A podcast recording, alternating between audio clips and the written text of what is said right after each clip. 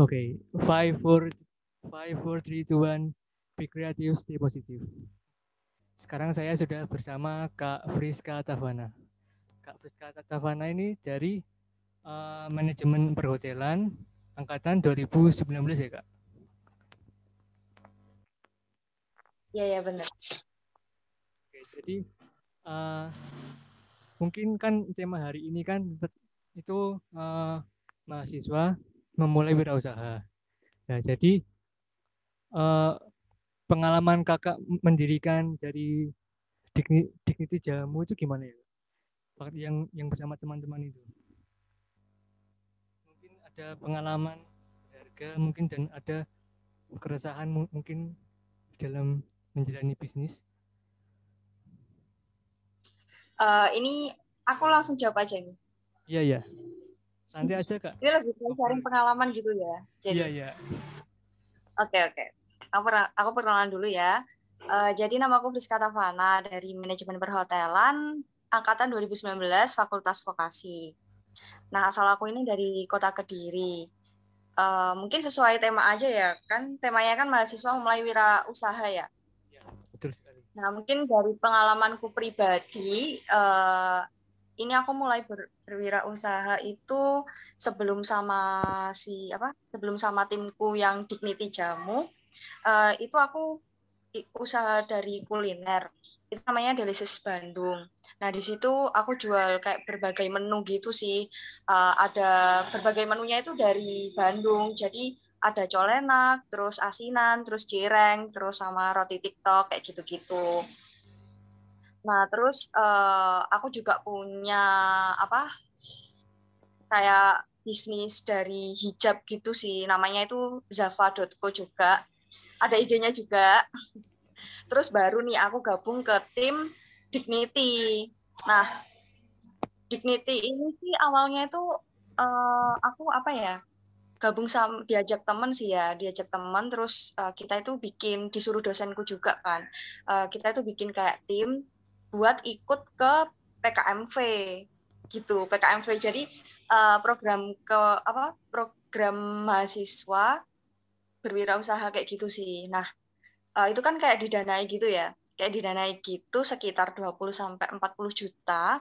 Nah alhamdulillah. Nah alhamdulillah ini proposalku sama teman-teman ini lolos gitu. Sampai kita dap kita dapat dananya sekitar berapa ya dulu kita ngajuinnya itu sekitar 25 gitu sih, 25 juta gitu.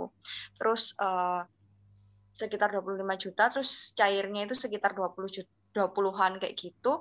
Terus akhirnya kita mulailah uh, bangun Dignity Jamu gitu. Uh, itu juga didampingi sama dosenku namanya Pak Jiwangga itu uh, kita juga diajari buat bikin jamu terus uh, pemasarannya kayak gimana kayak gitu-gitu. Terus apa lagi nih? Jadi uh, sebelum sama Dignity Jamu itu sudah buka duluan ya kak?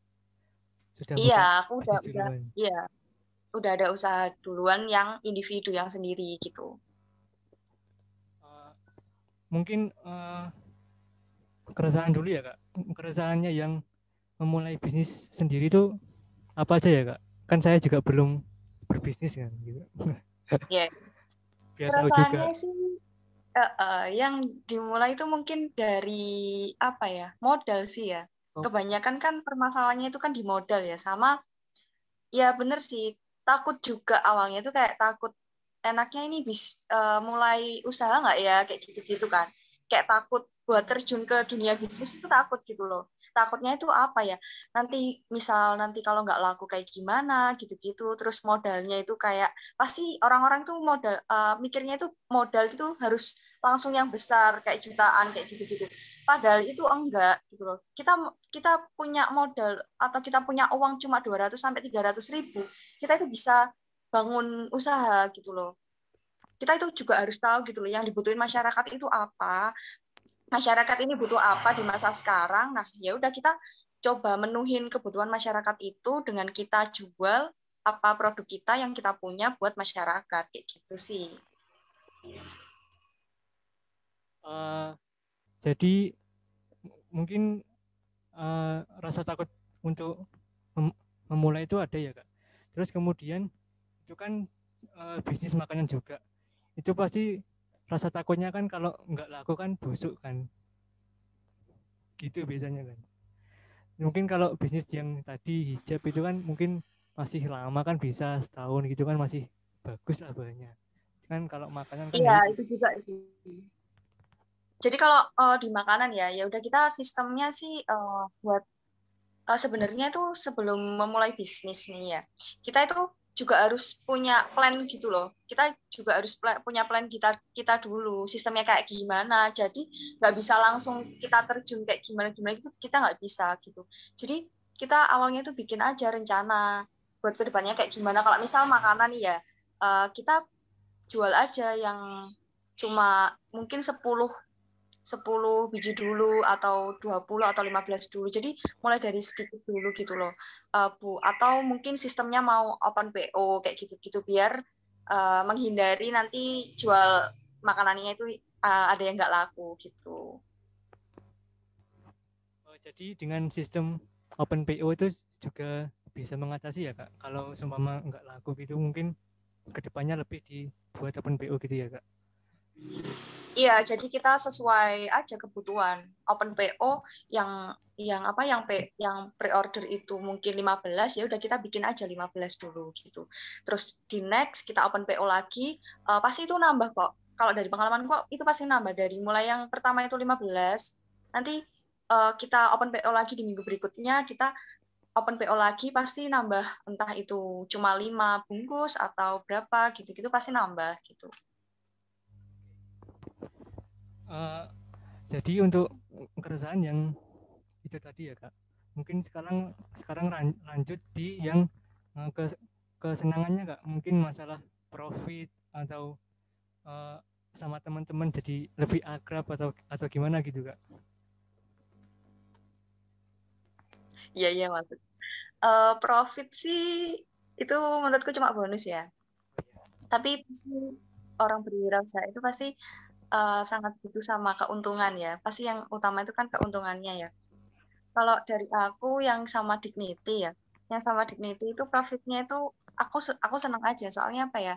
Ya kita kan didanai ya, didanai terus uh, makin kenal sama teman-teman juga iya. Terus uh, waktu di dignity itu kan itu kan PKMV ya programnya pemerintah. Nah itu kita juga diajarin. Jadi uh, apa ya selain kita dapat profit keuntungan kita itu juga dapat pengalaman dan juga kita dapat uh, ilmunya gitu loh soalnya di situ itu juga dilatih kayak ada pelatihan-pelatihan terus di akhir itu juga ada evaluasi gitu loh jadi kita harus benar-benar mempertanggungjawabin uang yang udah dikasih dikasih pemerintah buat kita gitu. Terus kalau uh, profit dari usahaku sendiri gitu, uh, pasti senangnya itu apa ya? Ya senangnya itu kita dapat uang dari hasil kita sendiri gitu loh. Senangnya pasti itu yang pertama. Terus apalagi kalau jualan kita itu laku laku keras gitu. Laku terus disukai banyak orang apalagi teman-teman kita di sekeliling kita pasti kita juga senang gitu. Uh, ini kan dari uh, situasi pandemi kayaknya terus ini di situasi pandemi itu uh, terhambat nggak kak?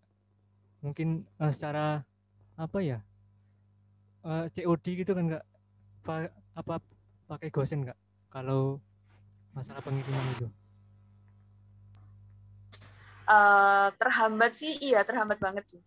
Uh, aku kan sama Dignity itu udah dari tahun lalu ya tahun 2020 uh, eh, bahkan satu satu atau dua bulan uh, setelah pandemi maksudnya pandemi dua bulanan pandemi ada itu aku buka Dignity itu nah proposalku itu lolos gara-gara itu uh, yang apa ya yang aku masukin di proposal itu seperti kayak menjawab keresahan masyarakat gitu loh. Kan pasti uh, di pandemi kayak gini kan jamu itu kan sangat dibutuhkan ya. Sangat-sangat dibutuhkan buat kesehatan yang penting banget gitu. Nah kita itu uh, nganu itu apa? Benar benar benar.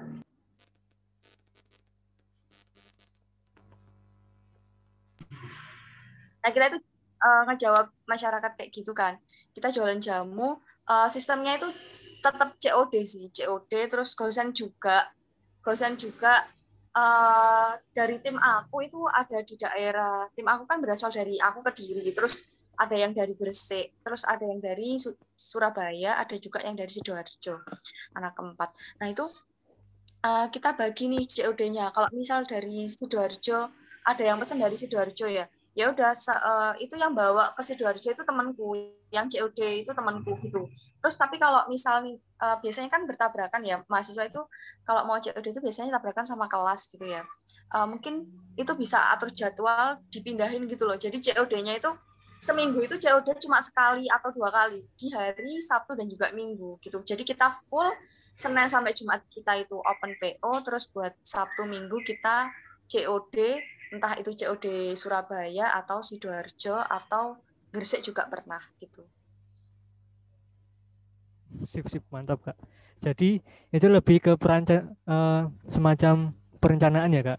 Kalau seumpama ada uh, bis bisnis kosmetik di pandemi ini itu banyak yang memilih uh, tidak berbisnis dulu kan karena kalau keluar kan pakai masker gitu kan. Jadi kan nggak nggak nggak terlihat nggak nggak terlihat lah uh, secara wajahnya full itu juga nggak terlihat nah kalau kakak itu kan uh, jamu jamu itu kan uh, penting di di saat pandemi ini kan. Uh, yang yang selanjutnya itu uh, mungkin ada tips kak untuk mahasiswa yang takut untuk memulai bisnis kak. Kayak saya saya saya, saya kan takut kan kak, takut gak laku, takut nanti ini itu gitu kak.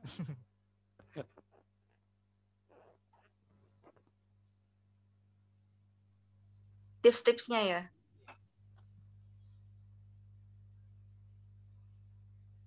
Iya kak, tips-tipsnya.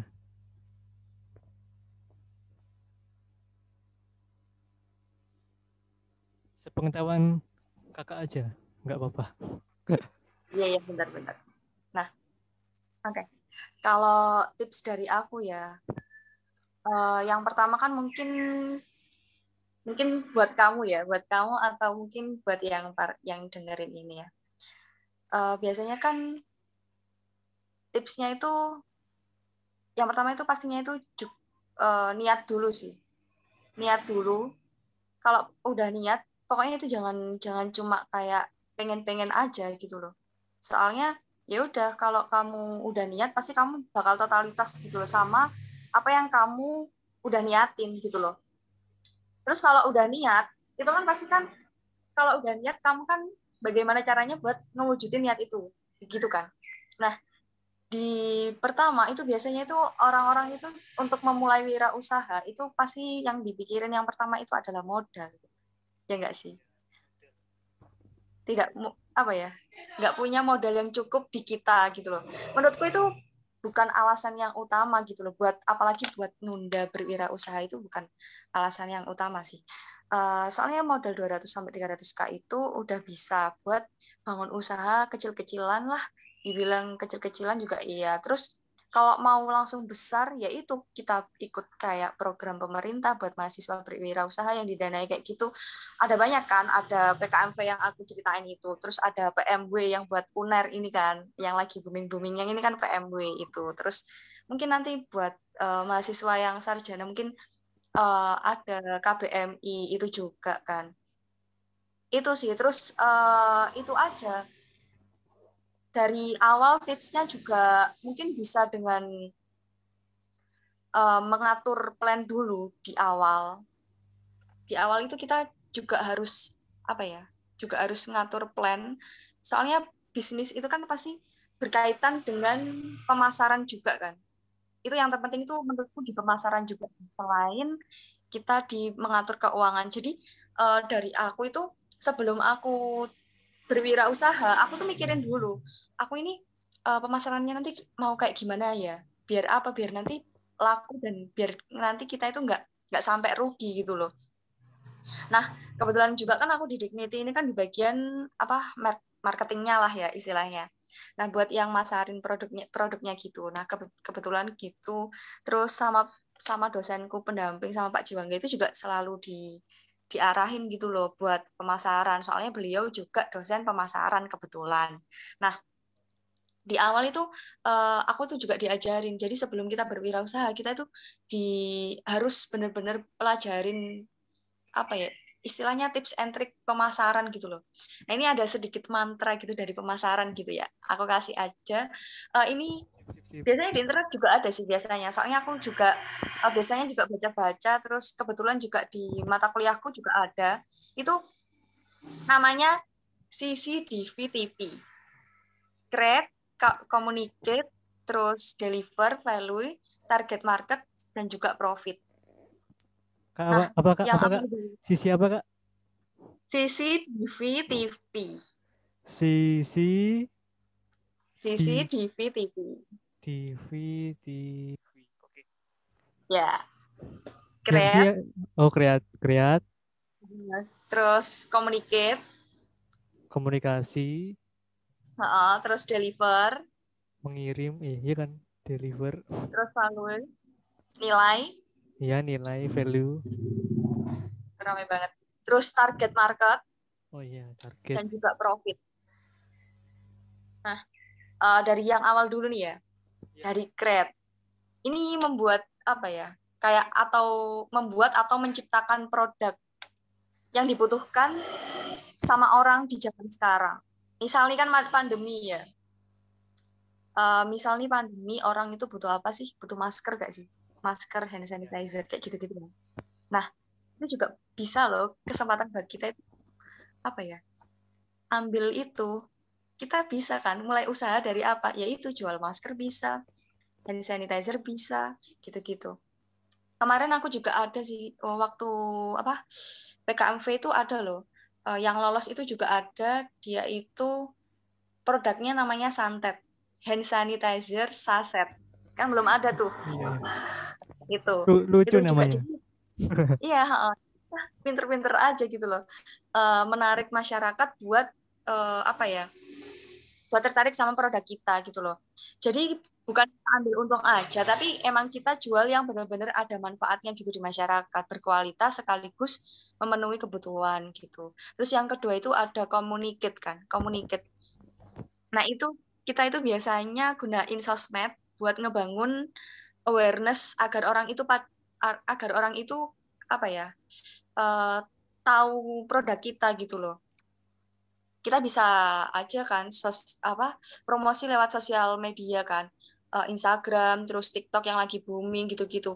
Uh, kita berwirausaha itu kita juga harus mikirin pemasaran soalnya apa kita pasti mikirin konten buat diupload itu apa sih biar uh, mereka itu pada pada tertarik sama konten kita terus pada pengen gitu loh buat beli produk kita gitu. Jadi kita itu usaha dan coba nyiptain suatu merek yang dikenal di kalangan masyarakat gitu. Terus ada juga deliver. Ini bisa mengirimkan produk barang dan juga mungkin bisa melayani konsumen produk itu di bidang jasa ya.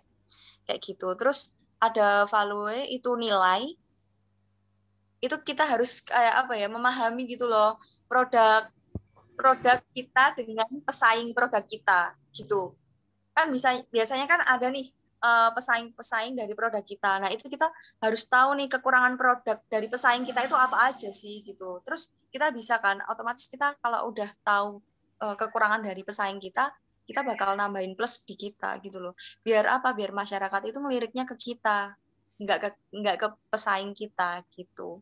Jadi kita ya pinter-pinteran aja sama kreatif-kreatifan aja gitu loh di sekarang gitu. Uh, bikin konten yang banyak, kita upload tiap hari, otomatis kan orang tetap uh, apa ya?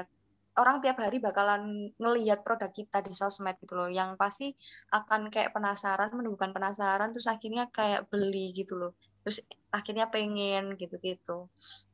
Nah terus kita juga uh, selanjutnya itu ada target target market gitu. Jadi kita itu jual produk itu harus tahu sasaran pembeli kita itu siapa sih gitu loh.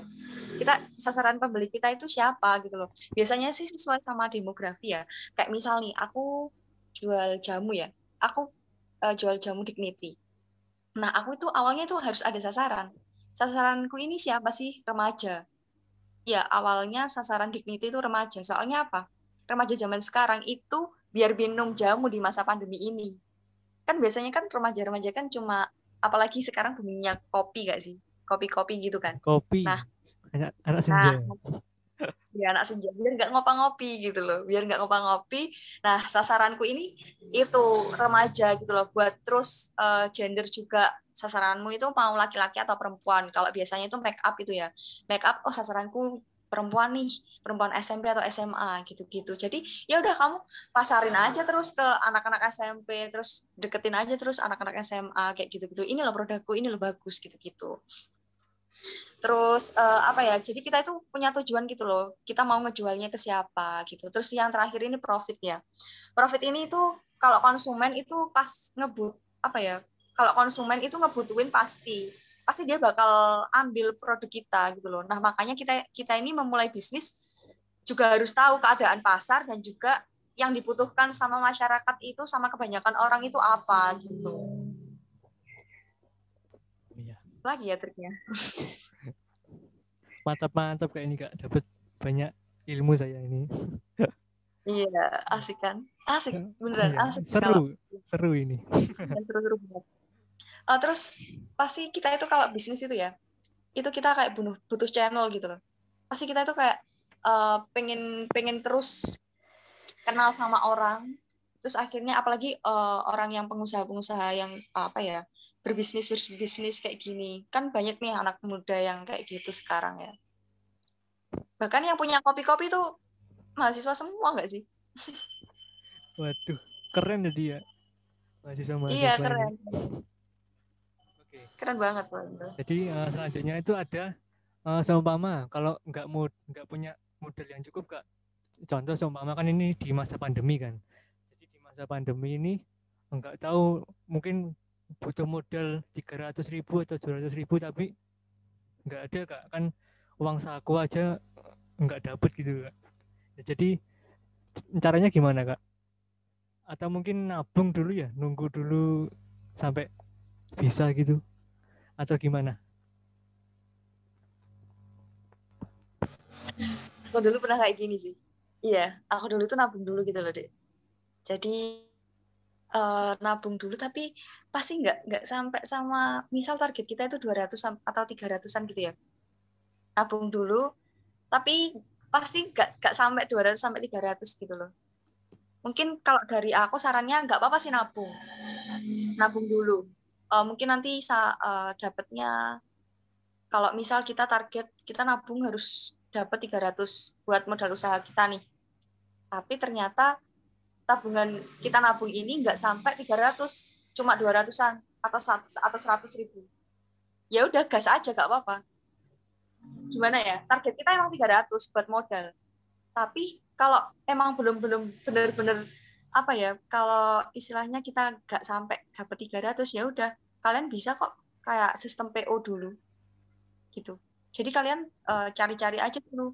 Kamu mau ambil produk apa sih? Atau mungkin Uh, tapi beda lagi ya kalau kamu mau produknya itu kuliner itu beda. Tapi kalau misal produknya berupa barang ya udah kamu uh, paling gampang sih barang itu. Soalnya apa? Kita itu bisa open open PO dulu gitu loh. Open PO dulu dengan dana atau modal seadanya kita dulu dari 100.000 150 bisa kita Eh, kita cari-cari aja dulu tokonya yang biasanya di Shopee gitu-gitu kan. Di Shopee gitu-gitu, terus kita cari harganya yang paling bu, uh, yang biasanya diambil sama reseller reseller kayak gitu. Terus nanti kita ambil, uh, kita open PO, kita share. Terus kan otomatis itu pada pesan ya ke kita. Kalau udah pada ada yang pesan ke kita, otomatis kan kamu kan uh, apa ya? Cak nambahin keuntungan ya pasti dari mungkin kamu ambilnya di apa di toko itu mungkin dengan harga sepuluh ribu lah misalnya. Misal sepuluh ribu. Nah kamu pasti kan nggak mungkin kamu jualnya sepuluh ribu. Tapi kan kamu pasti jualnya itu 15 sampai dua puluh ribu kan. Nah keuntungan ini dari keuntungan yang kecil itu kamu kumpulin dulu. Otomatis kan nanti modal kamu balik terus keuntunganmu juga balik terus bakal dari 150 awalnya nanti bakal bisa nambah-nambah-nambah lagi gitu loh. Jadi uh, menurut aku kamu ya udah gas aja sih nabung. 100 sampai 150 ribu itu udah cukup cukup banget. yang apa nanti kamu bisa tambahin dari keuntungan yang kamu open PO itu tadi gitu. Terus nanti bakal nambah terus akhirnya kepenuh terpenuhilah target kamu 300 ribu. Kalau udah 300 ribu baru kamu sesuai rencana kamu gitu. Kembangin lah gitu. Gitu sih. Itu kalau berupa barang. Mantap kak. Uh, jadi kalau uh, sistem PO itu DP dulu atau nggak harus ya kak? Atau atau gimana kak? Kalau dari kakak sen sendiri gimana? Uh, kalau dari aku sih gini. Kalau dari aku itu uh, sistem PO ya. Aku PO itu bisa dikatakan pakai uangku dulu. Tapi sesuai sama yang aku punya uang yang aku punya gitu loh. Jadi aku open PO aku open PO misal hijabku. Hijabku itu sistemnya PO dulu. Dan itu dengan dengan apa uh, modal yang sangat-sangatlah minim waktu itu hijab. Nah, itu aku sistem PO dulu. Dengan modal berapa ya dulu? 150-an sampai 200 ribuan. Itu dengan packaging yang masih seadanya dengan apa ya kantong plus kantong kresek ya. Kresek warnanya pink. Itu udah menurutku udah lucu banget udah menarik gitu. Terus aku bikin konten terus aku upload aku open PO open PO warna hijab gini gini gini gini. Nah terus uh, habis gitu ada yang pesen kan ke aku ada yang pesen uh, aku mau warna ini ini ini ini. Nah dari orang-orang yang beberapa orang yang pesen itu tadi aku sesuaiin sama budgetku. Kira-kira uh, uangku ini cukup buat beliin uh, atau buat apa ya buat beli hijabnya itu berapa sih gitu. Kalau misal lima ya uangku cuma cukup buat lima nih berarti aku keep dulu keep dulu dari lima pesanan gitu loh. Kalau udah lima pesanan udah ya udah aku langsung upload lagi dengan tulisan sold udah gitu. Sold ya udah terus aku uh, beli hijabnya lima terus aku kasih tapi dengan harga yang uh, pastinya aku dapat keuntungan gitu uh, jadi kalau sistem PO gitu uh, pernah di cancel nggak kak? Contohnya sudah ini kak saya beli ya, ya. terus uh, pas uh, kak Friska sudah beli barangnya, terus di cancel tuh sama uh, calon pembelinya kakak itu, itu pernah terjadi nggak kak? Uh, kalau cancel sih, alhamdulillah belum pernah ya.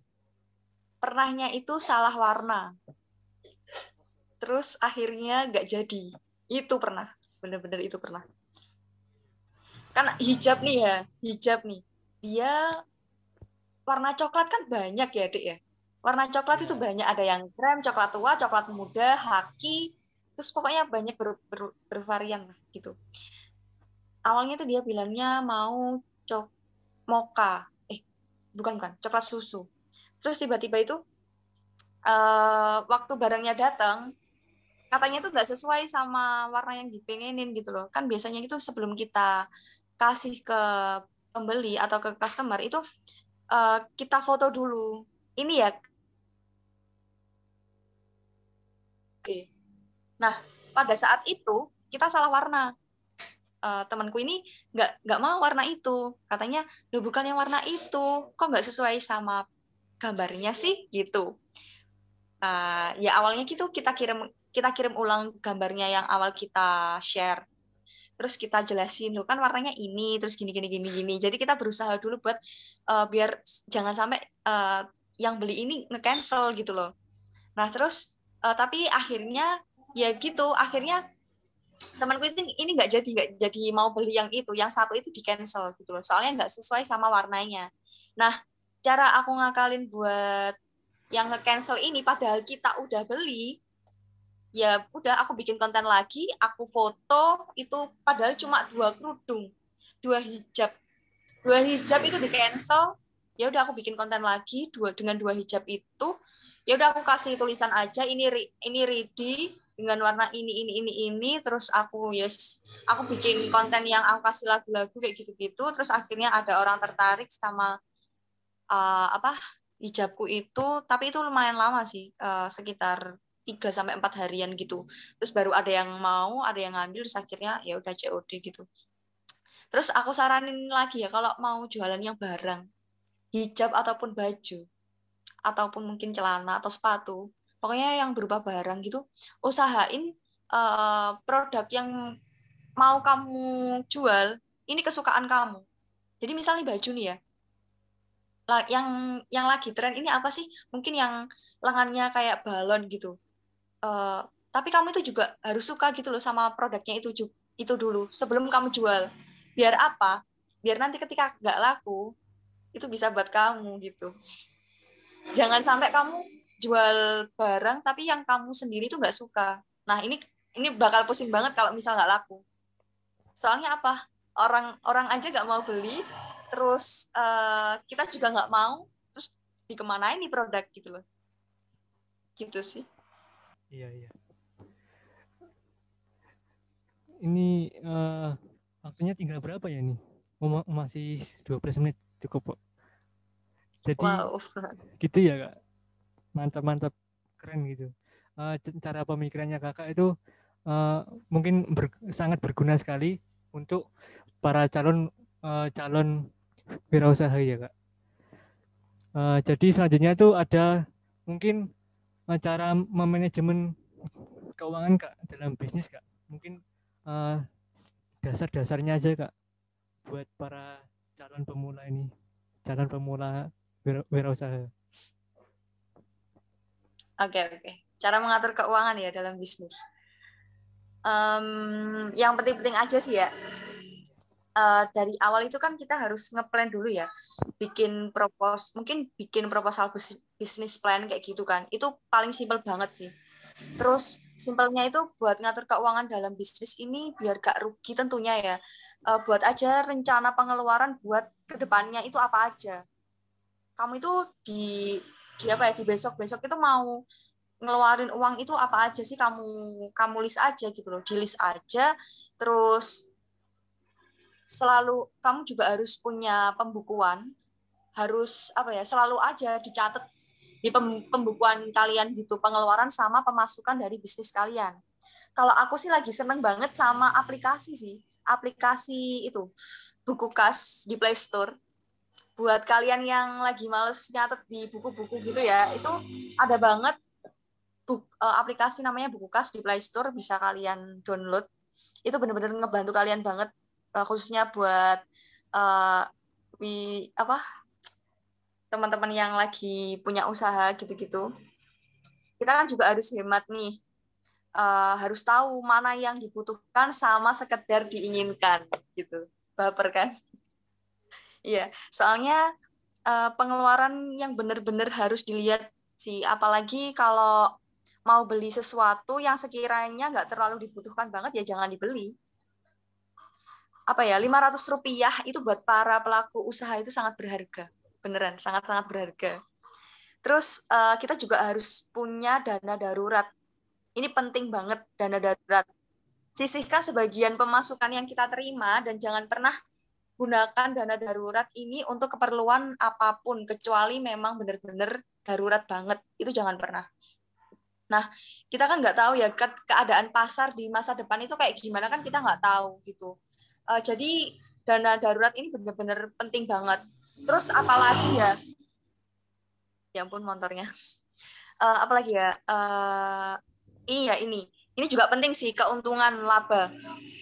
Nah, sebagai seorang pelaku usaha ini tentunya itu apa ya? pengen ngedapetin keuntungan yang sebesar-besarnya ini adalah target yang ingin dicapai. Nah, saran aku buat keuntungan ini uh, apa ya? Salah satu caranya itu adalah dengan memutar laba menjadi suatu hal yang produktif seperti pengembangan usaha kita. Jangan langsung menghabiskan laba sama apa ya keperluan pribadi kita gitu loh. Jadi keuntungan ini harus kita putar buat ngembangin usaha kita dari mulai mungkin dari kuliner ya. Kita punya laba. Ya udah, laba itu kita putar buat nambahin menu kita yang menarik yang mungkin lagi booming di masa sekarang ini makanannya apa, minumannya apa, nah kita putar ke ke situ gitu. Jadi uh, uang ini biar nggak apa ya, keuangan kita ini juga biar bermanfaat dan juga kita nggak rugi tapi juga kita malah nambah keuntungan gitu.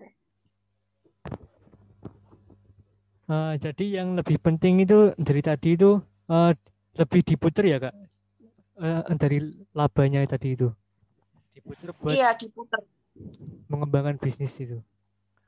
Iya. Kalau di aplikasi itu enak banget sih Dek, yang buku kas itu. Jadi kita bisa nyatet terus pemasukan kita apa, pengeluaran kita apa, terus di situ tuh langsung ada apa ya? Ada auto, otomatis gitu loh. Otomatis nanti ke keuntungan kita di minggu ini berapa, di hari ini berapa, gitu-gitu. Uh, yang selanjutnya kak, kan ini ada uh, kan dari Dignity Jamu itu kan tim ya kak. Terus ini uh, cara membangun kepercayaan kak dari teman-temannya yang sedang berjuang bersama itu. Bagaimana kak?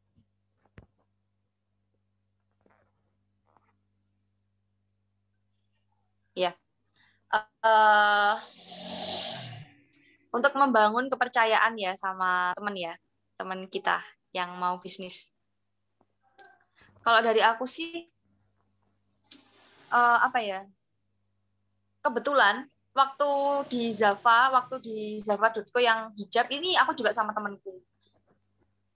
Dari awal, di awal itu kita harus benar-benar percaya nih sama apa ya, sama teman kita yang mau kita ajakin partneran atau satu tim dalam berwirausaha ini.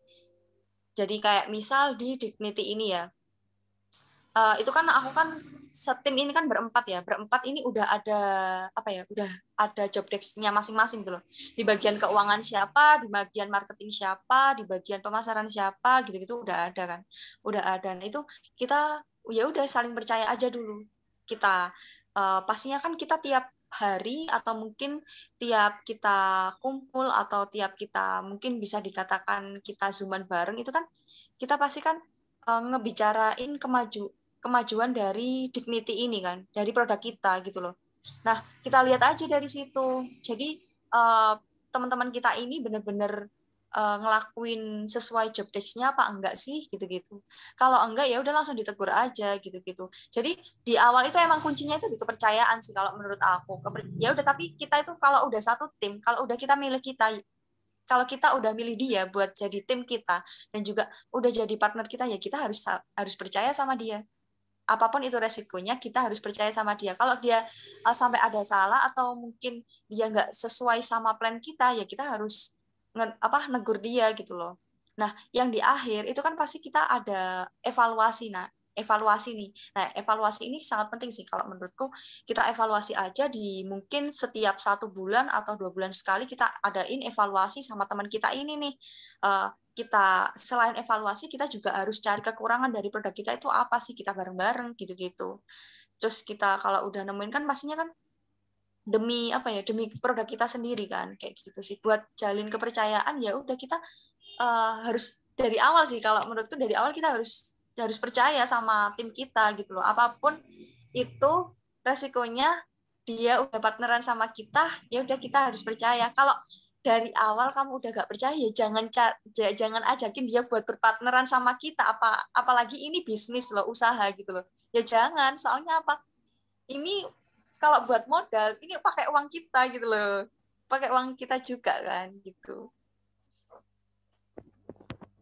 Soalnya kan dari sepengetahuan saya dari eh, cerita-cerita di podcast di YouTube itu kan kak. Uh, mungkin itu yang paling paling dicurigai itu yang bawa uang nggak seperti yang mau manajemen keuangannya itu. Kalau dalam tim gitu ya kan. Itu kak. Iya sih. Oh, dalam tim itu pasti di bagian keuangan. Nah kalau di Dignity sendiri itu di keuangan itu selalu itu sih dek jadi kan kita sistemnya PO ya seminggu itu sekali gitu ya dalam satu bulan dalam satu bulan itu kita udah apa ya udah ngeplan dan juga kita itu udah bikin komitmen lah istilahnya bilang nih ke ke bagian yang keuangan ini. Setiap satu bulan kamu setor ya uh, pembukuan pembukuannya dari penjualan kita satu bulan ini kayak gimana. Oh iya, pembukuannya setiap satu bulan sekali di, di setor tuh di grup. Kayak gini, segini, segini, segini, sisa uangnya segini, segini, segini, gitu-gitu. Jadi kita kan tahu gitu loh. terus selama kalau selama kalau menurutku ya kalau selama si yang pegang uang atau yang bagian di keuangan ini nggak apa ya nggak ribet kalau di kalau dimintain uang ya udah masih percaya percaya aja gitu loh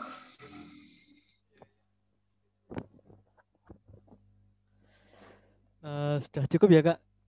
Sampai sini saja. Banyak banget iya, ilmunya yeah, tadi. Yang yang bermanfaat banyak banget. Ini aku aja nulis ini. Dari rumus-rumusnya tadi. Si di wow. si si di TV TV iya kan? Iya si di TV ya. oh ya keren. Ah.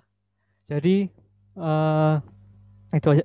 Yang yang saya bicarakan dengan Kak Friska Tavana sudah cukup uh, jangan lupa isikan uh, Google Formulir yang ada di deskripsi nanti ya teman-teman. Oke sampai jumpa. Kembali teman-teman. Dadah. Ya. Terima kasih. Ya, sama-sama.